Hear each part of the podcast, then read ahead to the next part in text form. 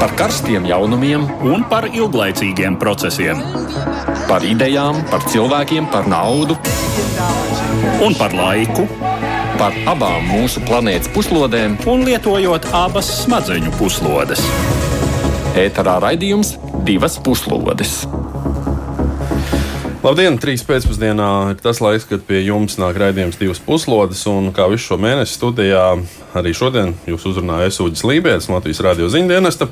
Un tas nozīmē, ka turpmāko stundu mēs atkal runāsim par pasaulē notiekošo. Un šodien lielāku uzmanību mēs pievērsīsim šādiem trijiem lielajiem tematiem. Katru dienu kaimiņu valstī Lietuvā pār robežu no Baltkrievijas nelegāli iekļūst desmitiem cilvēku, nu jau faktiski simtiem var teikt, izraisot īstu migrācijas krīzi tepat mūsu pierobežā. Latvija un Lietuva jau ir lūgušas Eiropas Savienības robežas apsardzes aģentūras Frontex palīdzību.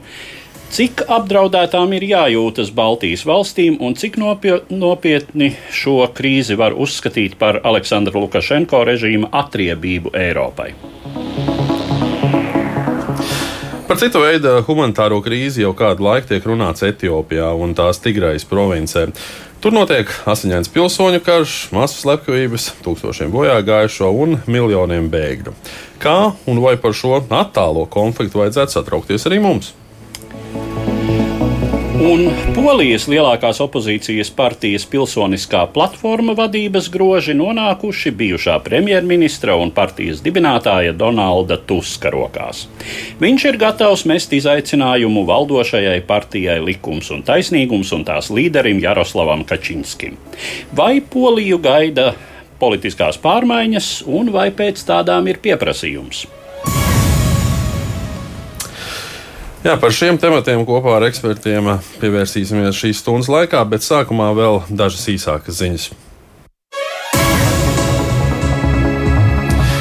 Krievijas Federālais drošības dienests šodien paziņoja, ka aizturējis Igaunijas konsulu Sanktpēterburgā Mārtu Letiju, kurš no Krievijas pilsoņa esot mēģinājis iegūt slepenu raksturu informāciju. Paziņojumā tika uzsvērts, ka šāda darbība nav savienojama ar diplomātiskā darbinieka statusu un tā acīm redzams naidīgs raksturs pret Krievijas federāciju. Leta ir pasludināts par personu non grata un viņam jāatstāja valsts teritorija 48 stundu laikā. Igaunijas ārlietu ministrija šo aizturēšanu jau nodēvējusi par provokāciju, solot atbildēt ar Krievu diplomātu izraitīšanu no Igaunijas. Zviedrijas parlaments premjerministra amatā atkārtot apstiprināja sociāldemokrātu līderi Stefanu Levenu, kurš tikai pirms pāris nedēļām cieta sakāvu uzticības balsojumā un no amata atkāpās. Levens tika apstiprināts ar 116 balsīm par, bet pret balsoja 173 deputāti. 60 likumdevēji gan balsojumā atturējās. Un, saskaņā ar Zviedrijas likumiem premjerministrs iegūs un saglabā amatu, ja vien pret viņu nav nobalsojis parlamenta vairākums. Trešdienas rītā savā rezidencē tika nogalināts Haiti prezidents Žovanēls Moize. Premjeras pienākumu izpildītājs Klods Žozefs paziņoja, ka pie varas valstī tagad atrodas viņš, aicinot sabiedrību saglabāt mieru, norādot, ka policija un armija garantēs iedzīvotāju drošību un aizsargās valsti. Vienu dienu vēlāk iespējamie slepkavības rīkotāji ir apcietināti un um, jāpiebilst, ka Žovanēls Moize atradās pie varas Haiti kopš 2017. gada, un viņa prezidentūras atrisinājušas apsūdzības korupcijā, virkni protestu pret valdību. Šogad galvaspilsētā un citur valstī notika plašas demonstrācijas protestētājiem pieprasot Mojas atkāpšanos. Taģikstāna un Turkmenistāna ir kļuvušas par pirmajām valstīm pasaulē, kurās vakcinēšanās pret covid-19 ir noteikti par obligātu visiem valsts iedzīvotājiem. Par obligātu vakcināciju, piemēram, veselības vai izglītības sfērās, tiek runāts arī citur pasaulē, vienlaikus gan aicinot rūpīgi izvērtēt, vai šāda prasība atbilst likumiem. Jāpiebilst, ka Turkmenistāna ir viena no retajām valstīm, kurā vismaz uz papīra nav konstatēts neviens Covid-19 inficēšanās gadījums. Bet pēc divām nedēļām tiks dots starts koronavīrusa dēļ pārceltajām Tokijas Olimpiskajām spēlēm. Ir kļuvis zināms, ka Japānas galvaspilsētā līdz pat 22. augustam būs spēkā ārkārtas stāvoklis, lai ierobežotu vīrusu izplatību. Bāriem un restorāniem būs aizliegts tirgot alkoholu, un tie būs jāslēdz jau līdz 8. vakarā. Tāpat sagaidāms, ka sacensības klātienē Tomēr skatīties nevarēs arī vietējie līdzjutēji. Un ārzemes sporta faniem šāda iespēja tika liekta jau iepriekš. Bet tagad gan par sākumā minētiem tematiem plašāk, bet vispirms par migrantu krīzi mūsu kaimiņos. Kā savā tvītā aizvakar pauda Lietuvas premjerministre Ingrīda Šimonīte, nelegālo migrantu skaits, kas kopš jūnijas sākuma no Baltkrievijas iekļuvuši Lietuvā, sasniedzis 1044 cilvēkus.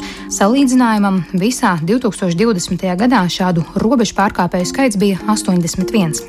Migrantu lielākais vairums nāk no tuvajiem austrumiem - Irākas, Irānas un Sīrijas un runā kurdu valodā. Salīdzinoši mazāka daļa ir no Afganistānas, Kamerūnas un citām valstīm. Apmēram ceturdaļa daļa no migrantiem ir bērni. Daudziem robežpārkāpējiem nav nekādu dokumentu, vai arī tie ir bojāti, kas liedz droši noskaidrot viņu identitāti. Lietuvā iekļūšie mēģina iegūt patvērumu tiesības, taču līdz šim neviens nav atzīts par atbilstošu patvērumu statusam. Ir diezgan nepārprotami, ka šai ļaužu plūsmā īstenojas Baltkrievijas pašu pasludinātā prezidenta Lukašenko draudi pārtraukt sadarbību ar kaimiņos esošajām Eiropas Savienības valstīm nelegālās migrācijas ierobežošanā. Kā kanālam Euronews norādījusi Lietuvas iekšlietu ministra padomniece Lina Laurinaite Grigiene, robežpārkāpēju viļņi sakrītot ar avio kompānijas Belavija reisiem no Bagdādas uz Minsku. Arī tas, ka Baltkrievu robežsargi kļuvuši nedzirdīgi pret lietuviešu kolēģu aicinājumiem koordinēt darbību šīs cilvēku plūsmas ierobežošanai, liecina, ka viss notiek ar Baltkrievijas varas ziņu. Minskas iekšlietu struktūru pārstāvi to, protams, noliedz. Lietuvā jau izveidotas divas telšu nometnes valstī iekļūšo izmitināšanai, un pēc pagājušās piekdienas, kad valstī diennakts laikā nelegāli iekļūs 150 cilvēki, izsludināts ārkārtas stāvoklis. Uz robežu nosūtīta armijas spēki, tāpat robežas apsargāšanā iesaistījušās drošības struktūras un Lietuvas strēlnieku apvienība jeb zemesardze. Kā paziņojusi premjerministre Šimonīte, uz robežas tiks būvēti papildu nožogojumi, uzlabots robežas tehniskais aprīkojums. Gatavību sniegt atbalstu Lietuvai apliecinājusi gan Eiropas komisijas prezidenta Urzula Fonderleina, kur apmeklēja Viļņu pagājušajā piekdienā, gan Eiropadomas prezidents Šarls Mišels, kurš viesojās Lietuvā 6. jūlijā atzīmējumās valsts dienas sakarā un cita starpā apmeklēja arī robežu ar Baltkrieviju. Papildspēku nosūtīšanu uz Lietuvu uzsākusi Eiropas Savienības robeža apsardzības aģentūra Frontex un ir paredzēts, ka tie tiks nosūtīti arī uz Poliju un Latviju.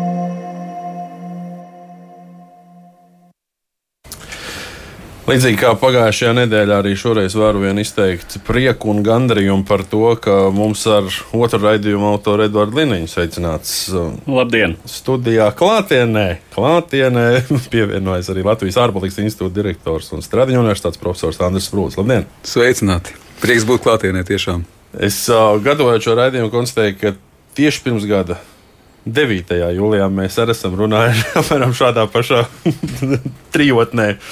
Runāsim par, par Baltkrieviju sākumā. Nu, teikšu tā, visai sarkastiski. Gaidījām migrantu krīzi aust, no austrumiem, sagaidījām.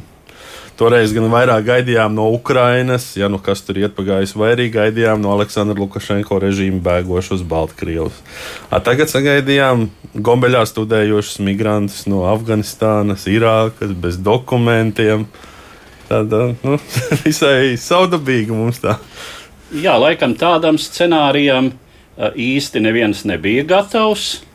Un tas tikai vēlreiz apliecina, ka tas, ko var izdomāt Baltkrievijas pašpasludinātais prezidents un vadonis Lukašenko, tam īsti teiksim, tāda vidusmēra Eiropas politiskā fantāzija līdzi netiek. Un kā jau ir izteicies viens no Baltkrievijas opozīcijas līderiem, tad No, tur, eh, ja jau viņš ir teicis, ka turpmāk viņi arī narkotikas nekavēšot uz robežas, ja, tad varbūt mums parādīsies arī tā sacīt. Eh, pēc, pēc studentiem no Kamerūnas un, eh, un Irākas, tad mums parādīsies komivojažieri no Kolumbijas, vai, vai arī no tās pašas Afganistānas, tur ar attiecīgi satura Eh, paciņām. Ja? Eh, nu, šobrīd par to var tā paironizēt, bet eh, saka, nu, mēs, mēs pēdējos gados vispār skatoties no Latvijas uz austrumiem, nu, tā izjūta ir tāda. Nē, nē, nu, tas nevar būt. A, kāpēc ne? Ja? Proda kungs, kāpēc ne? Uh, tāpēc, ka tam ir savi ierobežojumi. Nenoliedzam, ka šī ir šobrīd nu, vismaz lietuviešiem krīze. Tas noteikti, ka šeit var lietot tādu vārdu, un to ja mēs redzam šīs emocionālās reakcijas. Un jāatcerās, ka priekš eh, Latvijas, Lietuvas jau daži simti vienmēr nu, tas ir tāds emocionāls izaicinājums, un arī tīri politisks, un birokrātisks un finansiāls izaicinājums. To jau mēs redzējām arī migrantu krīzes laikā, kas bija pirms vairākiem gadiem. Tā kā nenoliedzam, ka daži simti, ko Mišels atbrauc un saka, nekāda īpašā pro problēma nav priekš Eiropas, tā ir bijusi ikdiena, kamēr priekš Baltijas valstīm mēs esam tomēr nu, tajā ziņā esam bijuši pietiekoši ne, neievainojami, pat ja arī tur runāju par. Baltkrievijas potenciāliem bēgļiem, par Ukraiņas potenciāliem bēgļiem no tiem austrumiem, bet nu, kaut kādā veidā mēs esam pārsteigti. Nenoliedzam, ka politiski tā ir zināma veida izaicinājums, lai neteikt krīze. Tie ierobežojumi ir tādi, ka no vienas puses pilnīgi piekrīt Edvardam, ka Lukašenko izpildās un izpaužās tādā veidā, ka varbūt dažkārt Eiropiešiem ir grūti saprast, pat mums ir varbūt grūti to prognozēt un paredzēt, bet jāatcerās, ka Lukašenko stāstā un rīcībā vienmēr ir ļoti pamatīga klātesamība arī blefam. Blefošana ir, es domāju, daļa no viņa stāsta gan tajā brīdī, kad viņš naftu transportēja no Venecijas caur Vēnspilsnu vai kādām citām ostām, gan, es domāju, ka šobrīd arī migrantu jautājumā, gan arī potenciāli šajos te vienalga nākošajos soļos, ko viņš varētu spērt. Tā ir daļa no viņa stāsta, ka, ziniet, ja jūs ar mums pasliktam, tad mēs jums pretī. Kāpēc te ir tie savi ierobežojumi? Es domāju, ka šobrīd absolūti šajā emocionālajā konkrētajā brīdī mēs saskaramies ar politisko izaicinājumu, tīpaši Lietuvā un arī Latvijā daļai, un arī, protams, ar tehnisko uz robežas.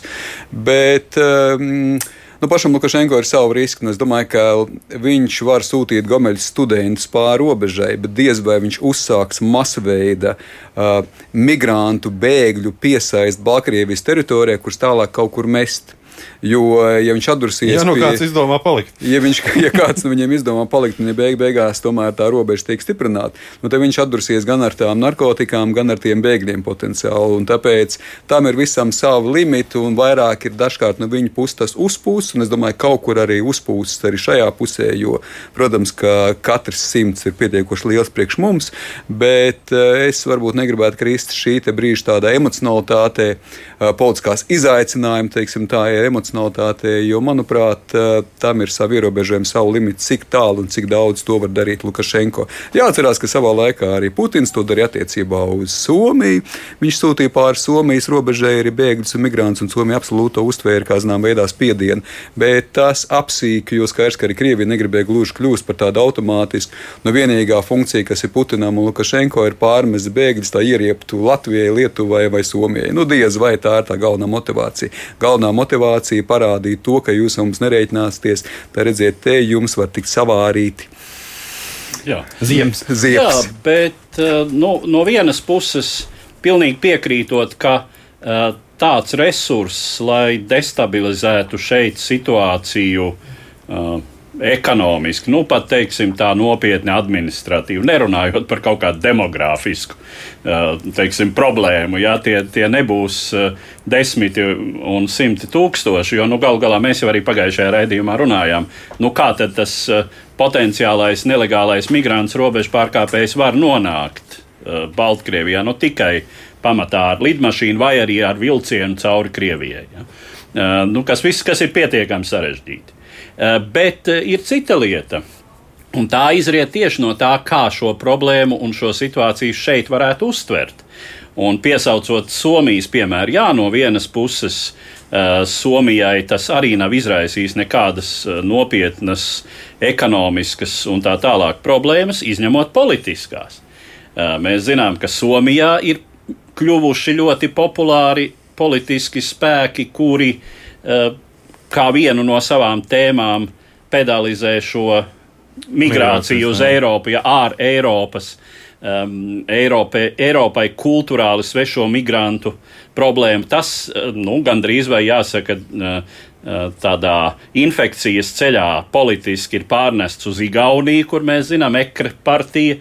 Kaut Igaunijā šī problēma nu, ne tuvu nav aktuāla, ja? pat, pat ne tādā mērogā kā Somijā, bet noteiksim. Pietiekami, lai uzpumpētu šo politisko problēmu. Ja tas parādās jau kā konkrēti. Tur, tur nav jābūt desmitiem tūkstoši. Tur pietiek, es domāju, ar simtiem, lai atsevišķi politiski spēki gan Lietuvā, gan es domāju, arī Latvijā to sākt izmantot kā savu politisko nu, kārti. Man jau, liekas, ka šeit atkal sāksies uh, mūžīgā diskusija par Eiropas solidaritāti un arī uh, Eiropadomas prezidents Šārls Mišels teica, ka nu, to solidaritāti mums ir jāizrāda, bet vietām pieklibo. Jo, nu, Jā, šis jautājums atkal ir kļuvis aktuāls. Nu, tikai šoreiz tādu nu, brīnumu. Nu, nu, savulaik, tad, kad vajadzēja palīdzību tiem tur, itāļiem, pārvietot tos bēgļus uz citām valstīm, nē, nē, nē. nē, nē. A, tagad, eju, nāciet palīdzīgā. Nu, kā, ne, nu, tā, tas efekts jau, es domāju, būs visumā veselīgs, jo nu, mēs varēsim vērot, kā strādā reāli šī Frontex sistēma, kur līdz šim no mums ir bijusi stipri tālu, un līdz šim mēs esam tā kā arī tajā Frontex līmenī snieguši savu Uh, iespēju robežās ieguldījumu. Nu, tagad, tagad mēs redzēsim, kā tas var līdzēt konkrētai situācijai šeit. Bet, jā, es, es piekritīšu Edvardam, jo es skat, skatītos arī no, no mazliet no tāda vidēja un ilgtermiņa. Sudraba maliņas tam mākonim perspektīvas. Jo, protams, ka šobrīd ir tā plūsma, ir tas jautājums, ir tie izaicinājumi, uh, arī politiski, lai gan es būtu piesardzīgs, jo to, ko Edvards arī minēja, ekre. Uh, šie procesi faktiski ir nevis no austrumiem migrācijas rezultātā, bet Eiropas migrācijas rezultātā vai iekšā Eiropā no dienvidiem tālāk jau teiksim, šī te dalījuma rezultātā. Uh, bet, protams, nu, tas, tas ir daļai saistīts bijis ar migrāciju kopumā, bet varbūt tiešā veidā pat neizbaudot vai nepieredzējot to. Bet tā sudraba maliņa ir precīzi to, ko Edvards teica. Viens man šķiet, ka ir šī solidaritāte un tas, ka, nu, ja jau mums gribās to palīdzību, tad jārēķinās ar to, ka šī spēle ir jāspēlē. Viņi ir pietiekoši izsmalcināti, nedodot citiem palīdzību, saņemt tomēr savu, sev palīdzību. Un otrs, man šķiet, ka šeit ir tieši tā, ko Lietuvieši šobrīd apzinās, ka šī robeža ir pietiekoši caura un ka nu, Donalda Trumpa stāsts par sienu uz robežām, tas nav tikai Donalda Trumpa narratīvs, tas šobrīd kļūs arī par liberālo politiķu narratīvu arī šeit eh, reģionā. Faktiski jau kaut kādā veidā ir kļūst. Un arī pasvītro to, ka, protams, ārējie eh, partneri un spēlētāji, no kurienes tie bēgļi atbrauc, pieņemsim, caur to pašu Turciju vai Stambulas lidostu, nu tad arī par tiem ir jāsadarbojas. Tā kā skaidrs, ka tas sarežģīja šo spēles lauku, bet, manuprāt, tā tā zinām mācību un atgādinājums, varbūt pat Latvija, kas tā vien šķiet, nu, var izbēgt ar tādu vieglu izbīli. Man tā gribētos domāt, un es tā ceru, ka tāds varētu būt, pat ja nevar izslēgt arī šeit kaut kādu kustību vai plūsmu. Tad, nu, es domāju, ka mēs būsim ieguvuši arī vērtīgu pieredzi, domājot par nākotni, apzinoties, teiksim, tos izaicinājumus un kaut kādas arī trūkumus. Viens no jautājumiem, kas uh, pēdējās dienās faktiski ir um, no, nu, sācis izskanēt, ir, uh, kāpēc tieši Lietuva? Kāpēc Lietuva? nu, tur varētu būt divi iemesli. Viens iemesls ir tīri tehnisks, eh, kas ir šī, šīs robežas caurums. Es pieļauju, ka Lietuvas Baltkrievijas robeža ir šobrīd visnenodrošinātākā robeža, Eiropas Savienības ārējā austrumu robeža. Eh, tāpēc, ka liela daļa Eiropas Savienības ārējās austrumu robežas joprojām ir bijusi Padomju Savienības robeža. Un lai nu kas, bet bijusī Padomju Savienības robeža kopš veciem laikiem ir tehniski visai labi aprīkota. Cik nu tas ir uzturēts, tas ir cits jautājums, bet tie, kas ir šķērsojuši bijušo Padomju Savienības robežu, zina un ir Jā, vēl zina tās, tās, cik tur ir to žogu, ja, un kāds ir augstums un tā tālāk. Nu, nu, paskatieties apkārt, kad jūs braucat, piemēram, no, no Lietuvas ar automašīnu iekšā Polijā. Redzēsiet, ja. Tas ir, šī ir bijusi Padomju Savienības iekšējā robeža starp Baltkrieviju un Lietuvu. Attiecīgi tā bija jābūvē praktiski no nulles. Un, ja teiksim, Latvijas robeža ar Krieviju ir jau tomēr vismaz pēdējo gadu laikā izjūtot nopietnāk šos draudus, tikus aprīkot, tad nu, Baltkrievija līdz šim ir uztvērta kā tāda. Eh, kā salīdzinoši prognozējams, mierīgs un uz sadarbību vismaz šai ziņā gatavs kaimiņš. Nu, tagad tas ir strauji mainījies. Tas ir viens. No nu, otrs, kas tiek arī izteikts, ka Lietuva. Nu, te atkal ir jāsaka, ka nu, Baltkrievi ar lietuviešiem tās ir kaimiņi un pat liela, zināmā mērā vēsturiski skatoties brāļu tautas. Nevelti viņi ķīvējas savā starpā tagad, uz kuru no šīm nācijām vairāk attiecas Lietuvas diškunigaitie. Vai uh, lietuvieši saka, tā ir uh, mūsu vēsture primāri, jo nu, elite bija droši vien tomēr no uh, baltu izcelsmes, ja, uh, diškunigaiši vai ķēniņi. Un Baltkrievi saka, iedzīvotāju masa šai viduslaiku valstī bija pamatā slāvu valodā runājoša. Nu, tā tad Baltkrievi. Un nu, situācija, kad Lietuvas valdība tik krasi nostājas pret Baltkrievijas varu, pret šo režīmu, atļaujas mest izaicinājumu. Uh, tā ir, es domāju, Lukašenko tā atkal ievērojot šo padomju padomju relikta identitāti sevišķi aizskaroša. Lietuva tāda nedaudz lecīgāka pēc nu, mūsu reģionā pēdējā laikā. Jā, nē, pilnīgi precīzi. Es domāju, ka tas arī, ja tā to var nodefinēt, varbūt ne gluži diplomātski vai akadēmiski lecīgumu konceptu, bet absolūti es pilnīgi piekrītu tam, ka man šķiet. Uh, Mēs šeit esam karogus mainījuši, bet kopumā jāatcerās to nu, atcelt to uh, vizīte Lukašenko šeit Rīgā vēl pirms nu, mazliet vairāk kā gada. Faktiski mēs esam tomēr veidojuši tādas diezgan konstruktīvas attiecības. Skaidrs, ka mēs neesam laimīgi ar visu šo situāciju, bet lietuvieši mans licīgums vai tajā, teiksim, tādā nu, emocionālākā, jā, tieši tā izpausmē. Skaidrs, ka lietuvieši bija skaļāki gan par Lukašenko, gan šobrīd ir Tikhanovskai Lietuvā, gan, protams, pret kodola spēkstaciju. Līdz ar to es domāju, ar cilvēktiesību teiksim, tā neievērošanu. Lietuvieši bijuši tieši tā skaļā gan Eiropas Universitātē Viļņā, kas ir, kas principā arī audzēja šo opozīcijas izglītoto Baltkrievijas paudzi. To tur tā vēsture jau to, ko Edvards teica, viņi stipri dziļāk tādā emocionālā līmenī. Un arī, ja mēs skatāmies nu, pēdējo desmitgadu, lietuvieši nenoliedzami ir bijuši nu, vis, visizteiksmīgākie, visizpaužākie, teiksim, tiek izpaudās visvairāk attiecībā uz Lukašenko režīmu. Nu, Lukašenko draud ar bēgļiem, tad viņš draud Vācijai, otram sliktajam tēlam, uz Eiropas skatuves, ka neļaus preču tranzītu caur viņiem, meklējiet citus apkārt ceļus. Nu, no vienas puses, nevienam negribas šos draudus uztvert nopietni, un kā jau mēs teicām, nu, jā, dažkārt ir tiešām doma, ka tā ir viņa fantāzija un, un, un varbūt nezinu, situācijas neizpratnē vai, vai, vai neizglītotība. Man pat dažreiz tāda sajūta. Bet nu, no otras puses, it kā kaut kur baidamies. Nu, cik tālu, nu, teiksim tā, cik tālu šie Baltkrievijas izteiktie draudi mums ir saistoši, jāņem vērā, jābaidās no viņiem. Nu, kur ir tā, tāda robeža? Nu, tur ir draudu un blefa kokteils, protams. Un, Skaidrs, ka to, ko mēs redzam šobrīd uz robežas, apliecina to, ka Lukašenko ir zināmi instrumenti, kas nu var iegriezt citām valstīm, ir īpaši kaimiņu valstīm. Protams, ka lielākais iegriešanas instruments ir tas, ka Baltkrievija kļūs par Krievijas faktisku sastāvdaļu. Uh, un tas vēl viss tajā kontekstā, ka mēs esam jau daļēji noguruši no visas šīs Baltkrievijas tēmas. Ir īpaši Eiropieši noguruši no Baltkrievijas tēmas, īpaši Eiropieši noguruši kopumā no Austrumē Eiropas tēmas kā tādas. Tur pietiek jau ar kā saka, vēl pašām valstīm, Polija un Ungārija, ko darboties, un kur vēl Baltkrievija, Ukraina un vēl Krievija. Līdz ar to, protams, ka visā šajā kontekstā tā kombinācija tāda, ka jā, nu, mēs kaut kādos brīžos esam paši par sevi, kuram šīs lietas ir jārisina. Un šeit Lukašenko nu, viņš ir gatavs, viņš ir gatavs spērt tos soļus, kas ir pietiekoši neordināri, kas ir pietiekoši teikt, situāciju destabilizējuši. Tā ir daļa no viņa instrumenta. Ja beig beigās jau jāatcerās, nu, viņa galvenā motivācija nav destabilizēt destabilizācijas pēc, viņa galvenā motivācija ir saglabāt varu to ārā ienaidnieku radīšana, parādīšana, ka viņš var, tas būs tas, kas noteikti spēles elementā būs. Ja?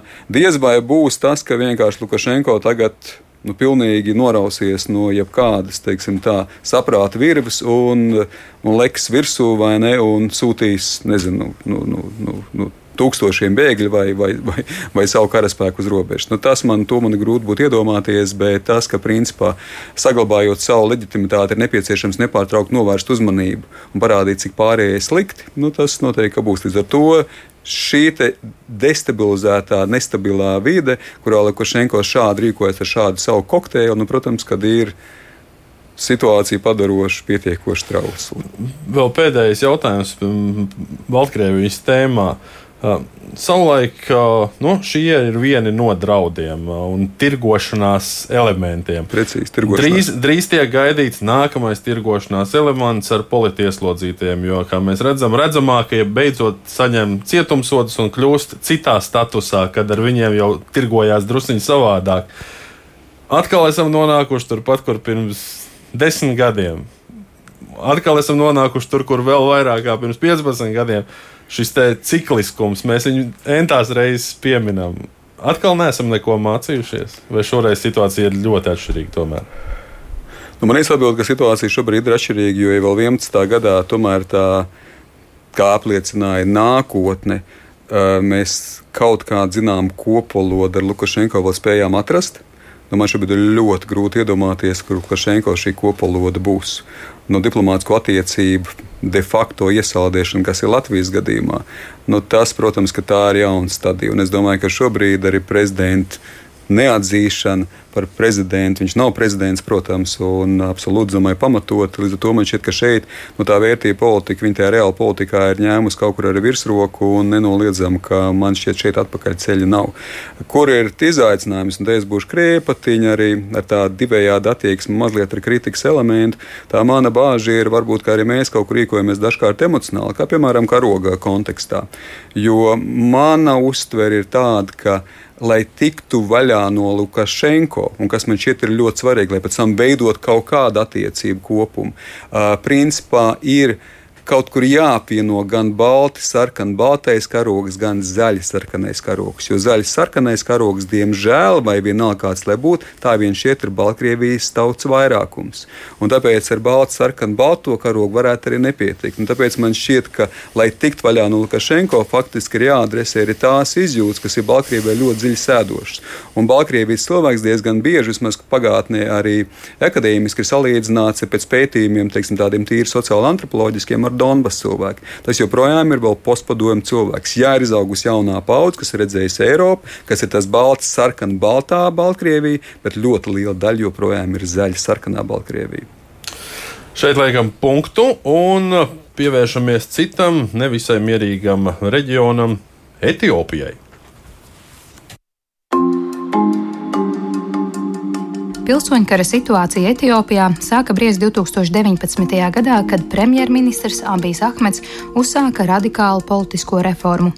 Līdz tam vara valstī nemainīgi kopš 1991. gada bija piederējusi partija apvienībai Etiopijas Tautas Revolucionāra Demokrātiskā fronte, kurā ietilpa četras etniski reģionālas partijas.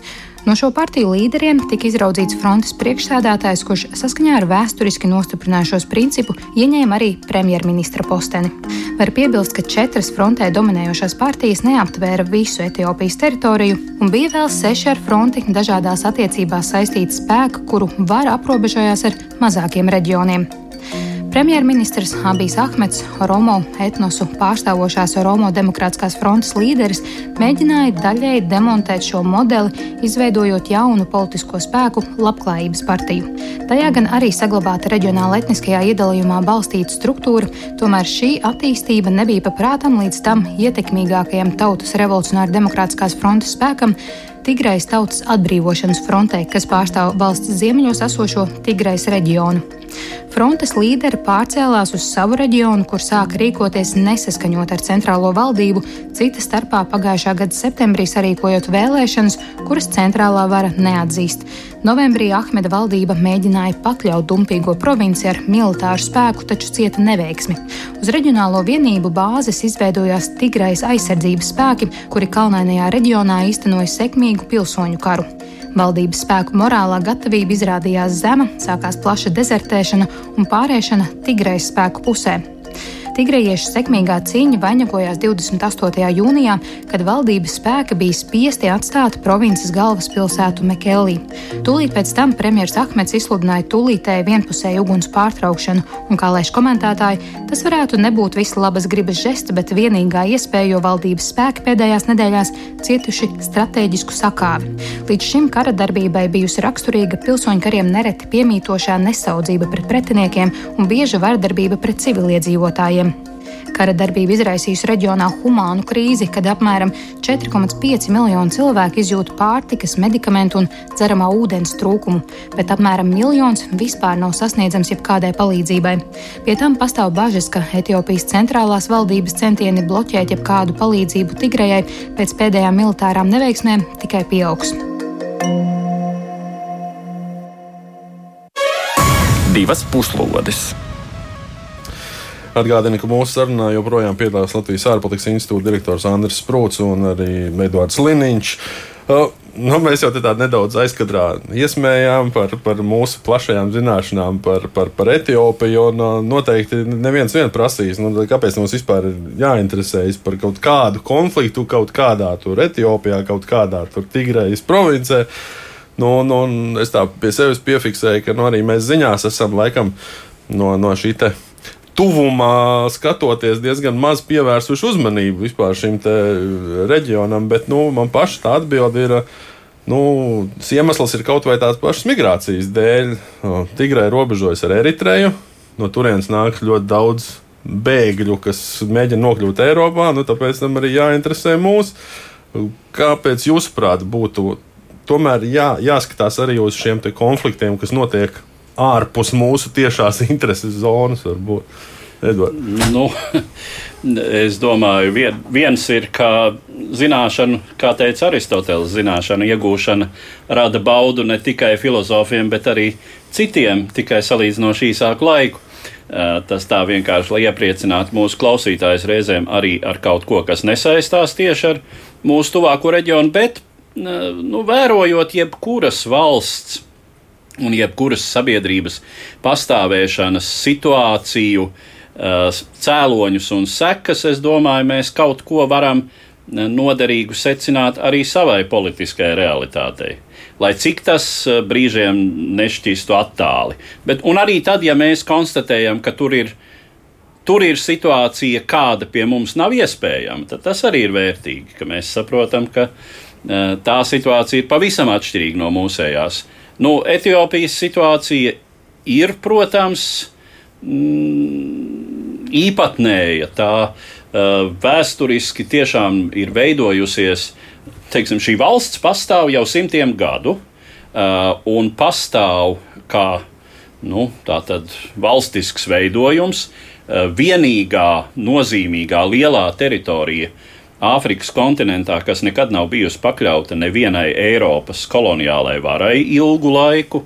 Nu, bija 20. gadsimtā Itālijas okupācija, fašistiskā Itālija okupēja, bet tie bija, nu, var teikt, daži gadi. Jā, tur laikam desmit gadi pat neiznāk.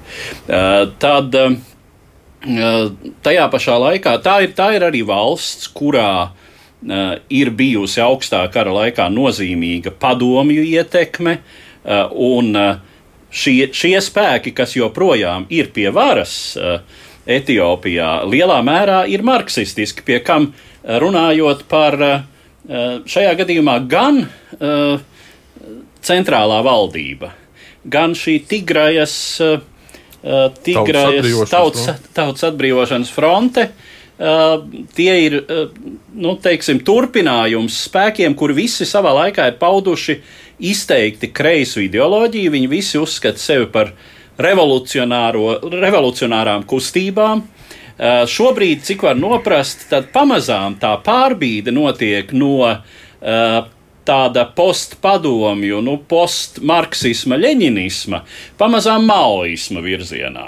Uh, un tas tiek atzīmēts, ka lielā mērā visas šīs Etiopijas valdošo spēku ideoloģiskās orientācijas ir bijušas saistītas ar to, nu, rupi runājot, kas var piegādāt šaujamos, uh, degvielu un arī vēl šo to, kas dzīvē labi nodara.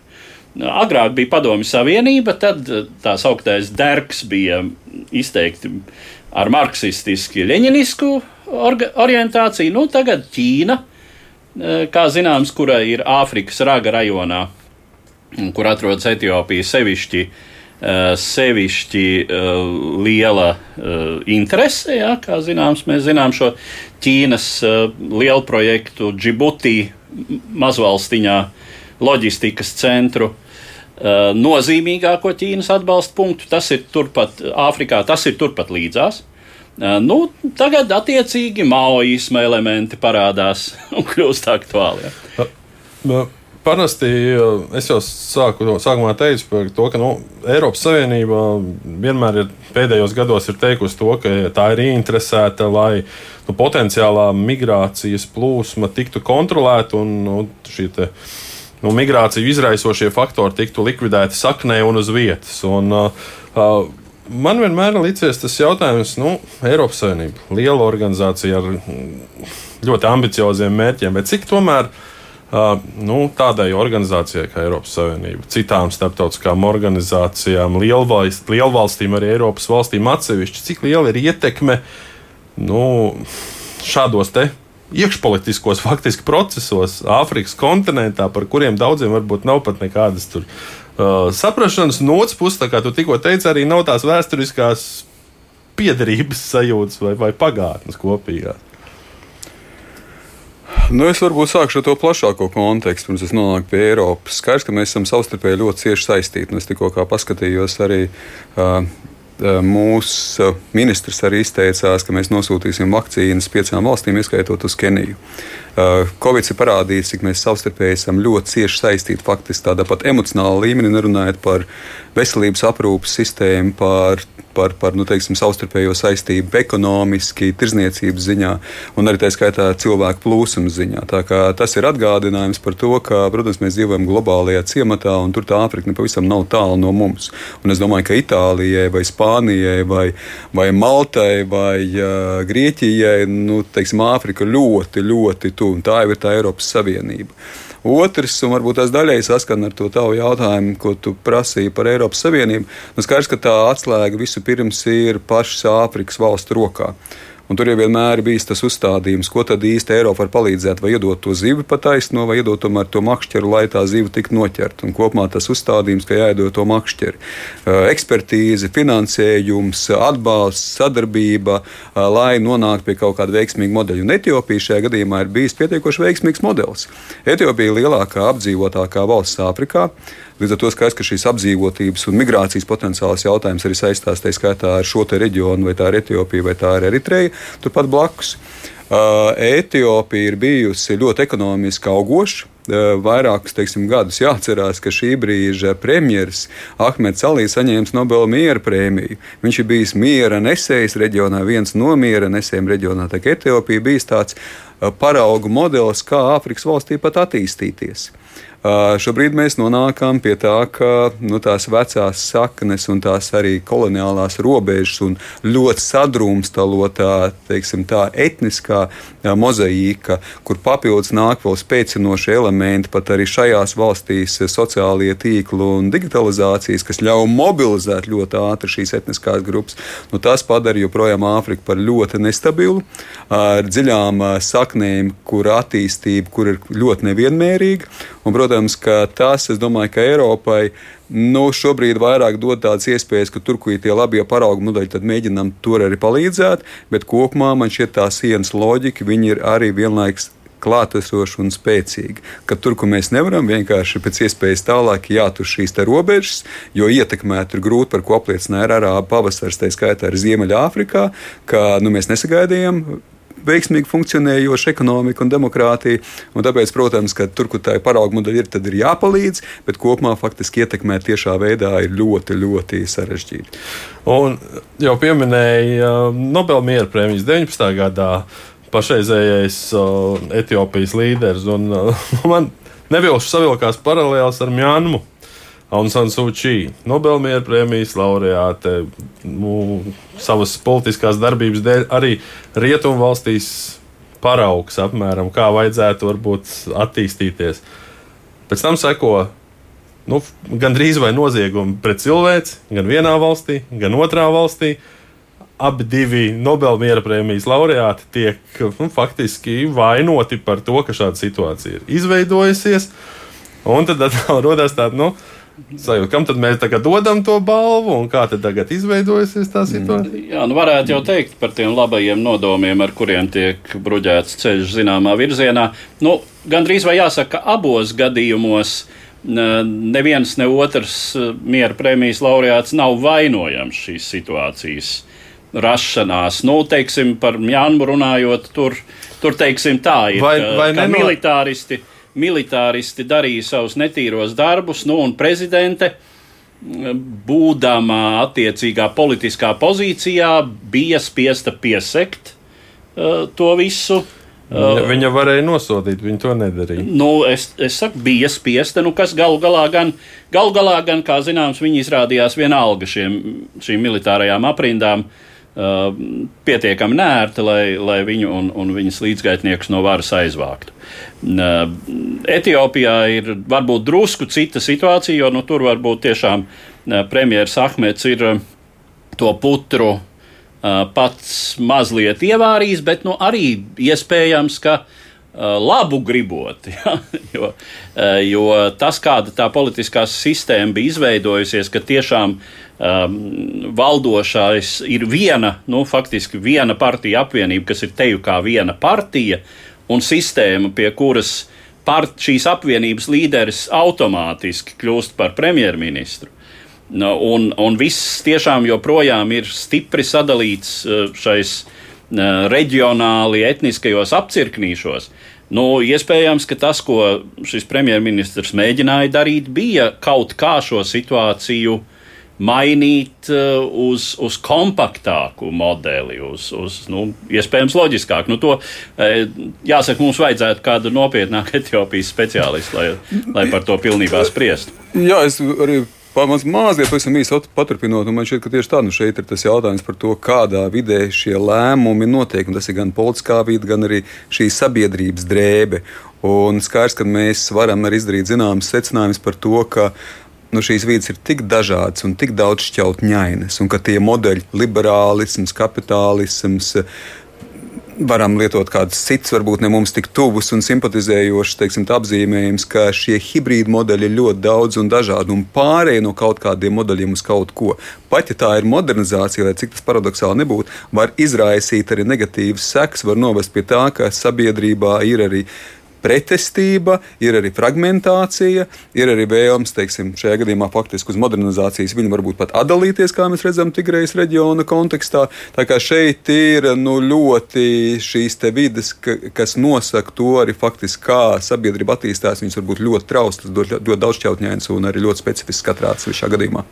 Ja kādam vēl interesē īsi un diezgan koncentrēti palasīt par šo et et Etiopijas konfliktu. Tad, ja nemaldos, BBC ir tāds raksts, kur ir 100 vārdos, 300 vārdos un 500 vārdos izstāstīts apmēram šī konflikta vēsture. Iesaku izlasīt, bet mēs atgriežamies šeit pat gandrīz vai kaimiņos, Polijā. Šodien Polijā valda ļaunums, un mēs esam gatavi iziet pret to cīņā. Tā savā uzrunā Polijas partijas pilsoniskā platforma kopsapulces dalībniekiem sestdien deklarēja viens no šīs partijas kādreizējiem dibinātājiem, bijušais Eiropadomas prezidents Donalds Tusks. Pasākums notika sakarā ar viņa atgriešanos šīs lielākās polijas opozīcijas partijas vadītāja amatā, pamatot līdz šim ieņemto pārnacionālās Eiropas Tautas partijas priekšsēdētāja posteni. Ļaunums, pret kuru Tusks tagad ved cīņā savu politisko spēku, protams, ir Polijā valdošā ultrakonservatīvā partija Likums un taisnīgums.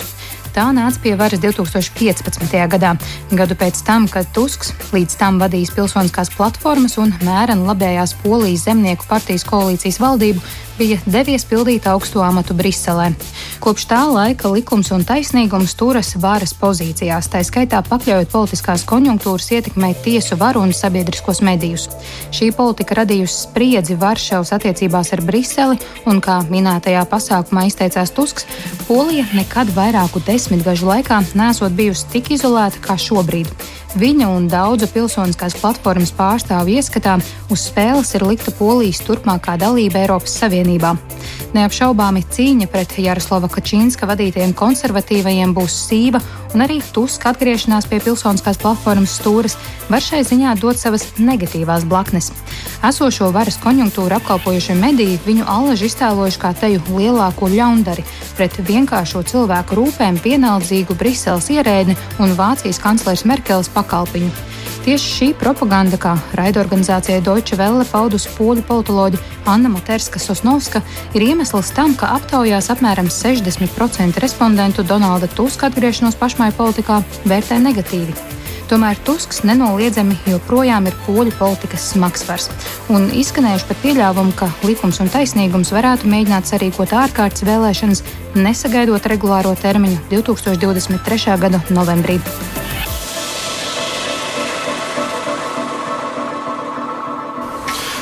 Izrādās, ka pirms gada mēs arī runājām par Poliju. Toreiz gan prezidenta vēlēšana kontekstā. Šoreiz nu, Donalds Tusks nenoliedzami spēcīgs politiķis, nu, bet vai tiešām tāda mesija, kā daži no viņa mēģina uztaisīt, vai, un vispār man rodas jautājums, vai poļi paši domā, ka viņiem ir kaut kāda mesija vajadzīga, kāds glābējs? Jā. Principā polijas politikā šie spēcīgie līderi ir diezgan klātesoši. Kačīnskis, eh, Tusks, eh, Kvašņevskis, eh, arī kaut kāda veida Andrzejs Duda ienāca politikā kā tāds vai ne. Enerģētisks, harizmātisks līderis ir dažkārt uzraušanās uz šiem jaunajiem, palikots. Tad arī tikko bija vēl viens politiķis, kas bija arī vēl citi, vai ne? Tā kā principā šie vārdi ir izskanējuši. Bet, um, Nu, Tusks, protams, ir smags vārds, bet te arī jāpiekrīt tas, kas ir tika teikts, ka nu, šeit ir savi, savi jau izaicinājumi. Un skaidrs, ka tās mesijas arī tam ir savi, savi, savi limiti. Un kopumā no vienas puses var skatīties caur līderiem, bet tajā pašā laikā polijas politika var skatīties arī caur tendencēm ne caur teiksim, šiem te konkrētiem uzvārdiem. Un tendence ir tāda, ka no vienas puses, ja mēs skatāmies tādu. Uh, Līdz pat 2005. gadam katreiz mainījās partija pēc parlamentu vēlēšanām. Nekad nebija viena valdošā partija. Nākamajās vēlēšanās vienmēr bija šis šūpoļu princips. Uh, Tad 2007. gadā, no 2007. gada līdz 15. gadam, 14. gadam faktiski bija pie varas platforma, pilsoniskā platforma. Tad savukārt šobrīd ir divas termiņas pie varas. Um, uh, Likums, likums un taisnīgums. Un tā viņš šķiet, ka, nu, ja mēs skatāmies uz šo svārstu un šūpoliem, tad nestoties uz visiem palikotiem, uh, bedroņiem, kas principā mēģinājuši nākt iekšā, tad uh, tomēr vairāk tas nav par personībām, bet drīzāk par to svārs, ka šķiet, ka ar vien vairāk un vairāk cilvēki ir noguruši no teiksim, šī likums un taisnīgums. Ja mēs skatāmies šobrīd arī parlamentā, nu, tad ar ļoti minimālu pārsvaru, tur ar vienu balsi šī koalīcija turās pie varas. Otra tendence, kas jāiezīmē 90. gados, tomēr bija ļoti spēcīga sociāldemokrātija. Un Kvašņevskis kā prezidents bija viens no tiem. Millers, kas ieveda arī Eiropas Savienībā 2000. gada sākumā, arī bija eh, sociāldemokrātu vadītājs. Tad šobrīd tomēr visi šie strāvojumi, viņi pamatā tomēr virzās uz vai nu labējiem, vai nu centriski labējiem. Te ir tas paradoks, ka no vienas puses Polija ir modernizējusies, iestājusies Eiropas Savienībā, bet tajā pašā laikā šīs reliģiskās sabiedrības saknes, par ko mēs runājam ar citos gadījumos, viņas ir ļoti, ļoti dziļi sēdošas un tās tik viegli nemainās. Un tur nemaz nav tik daudz atšķirīga lieta ar šīm partijām. Jā, ir stilā, ir kaut kādos akcentos. Protams, ka likums un taisnīgums lielāku uzsvaru liek uz tādām sociālām arī vērtībām, varbūt vairāk akcentē konservatīvās vērtības. Bet, ja mēs skatāmies, teiksim, arī šie nākošie spēki, 20, 20% ir šī polija 2050, kas faktiski arī liberālais katolis, kas eh, vada šo spēku, un eh, šis, teiksim, tā labējais elements, reliģiskais elements polijas sabiedrībā ļoti, ļoti dziļi sēdošs. Um, Jaroslavs Kačinskis uh, nu, visai drīz pēc, pēc Tuska atgriešanās teikt, izteicās, ka nu, acīm redzot, darba līgums ejot uz beigām Eiropā un, un, un nu, kā, esot jā, jauns darbs jāmeklē. Nebūtu ne visiem tas arī Eiropā patīk, tas viņa nu, kā, kā to latviešu varētu iztulkot, tā nu, centrēšanās uz vāciskumu, vai, vai, vai nu, tiešām grūti, grūti iztulkot. Ka, nu, nu, tas jā. ir tas tā, tā ir Kačinska retorika par to, ka. Nu, es pieļauju, ka Kačinska kunga retorika savā ziņā ir līdzīga Lemberga kunga retorikai, runājot par Latvijas analogiem, kur viņš arī uh, vērtējot jebkura politiķa darbību, skatās, meklē kaut kādus privātus nu, varbūt kas spogulī bieži skatās, vai ne? Vai, vai nu tur naudiņa beigusies, vai, vai arī kādu draudziņu sev meklē. Nu, mēs zinām visu šo retoriku. Kačinskis, acīm redzot, ir līdzīgs. Nu, protams, tas ir pārspīlējums.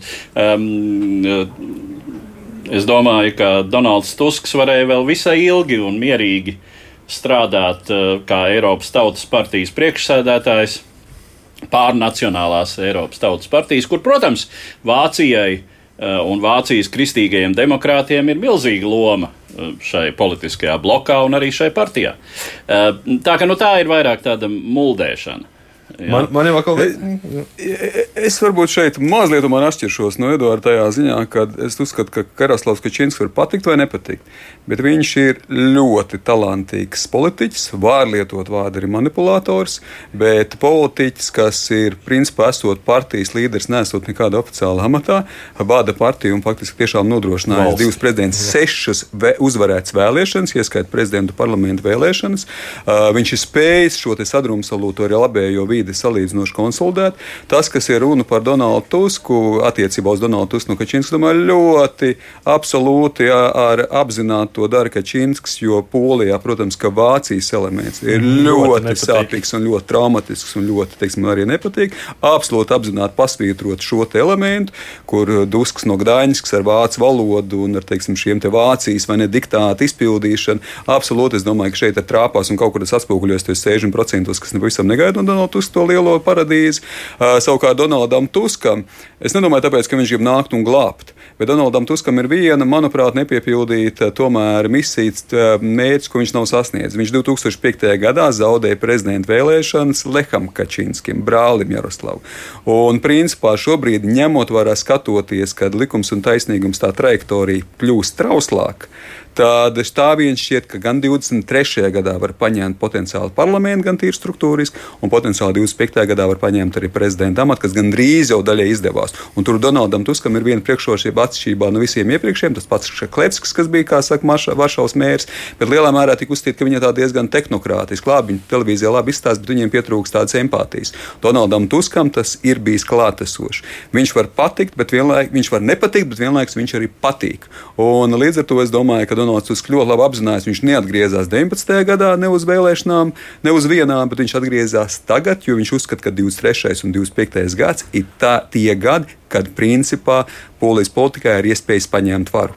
Jo, principā, jā, un, Kačinskis jau arī ir gados 72. Jā. Nu, jā, un jāsaka tā, ka tā, nu, jāsaka, tā ļoti lēnā uh, konfrontācijas ļoti lēnais konfrontācijas spriedzes pieaugums starp Eiropas Savienības eh, nu, teiksim, politisko virsotni un, un Varšavu, Poliju.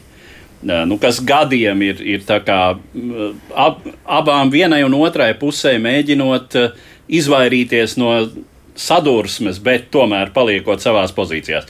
Nu, neizbēgam tas šobrīd ir nonācis līdz situācijai, kad laikam tomēr būs jautājums par kurš piekāpsies. Jā, vai, vai teiksim, Varšava, Briselē, vai nu, otrādi tā kā grūti iedomāties, būs runa tomēr uh, par šo vērtību orientāciju polijas politikā, par principiem.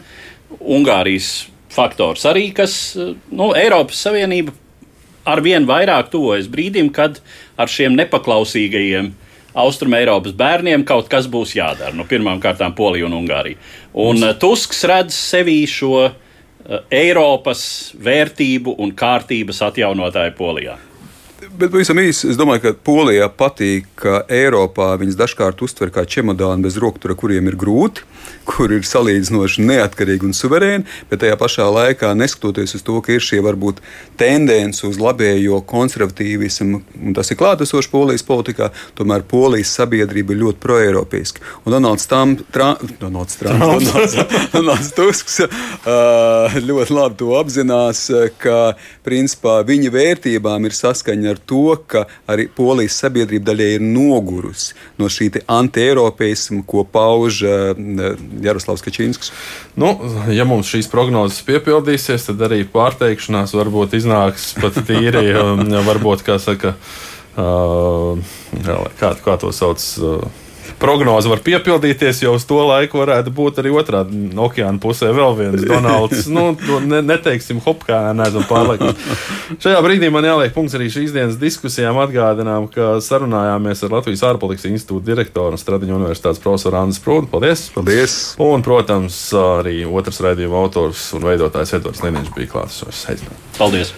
Studijā šoreiz bija Esuģis Lībijams, mūsu producents bija Ieva Zeisa. Paldies, ka klausījāties. Un atgādinu, ka gan šo raidījumu, gan arī visus citus Latvijas radio viļņos skanējušos ārpolitikai veltītos sižetus varat atrast pievienoties mūsu Facebook grupai ārpolitika tūplānā.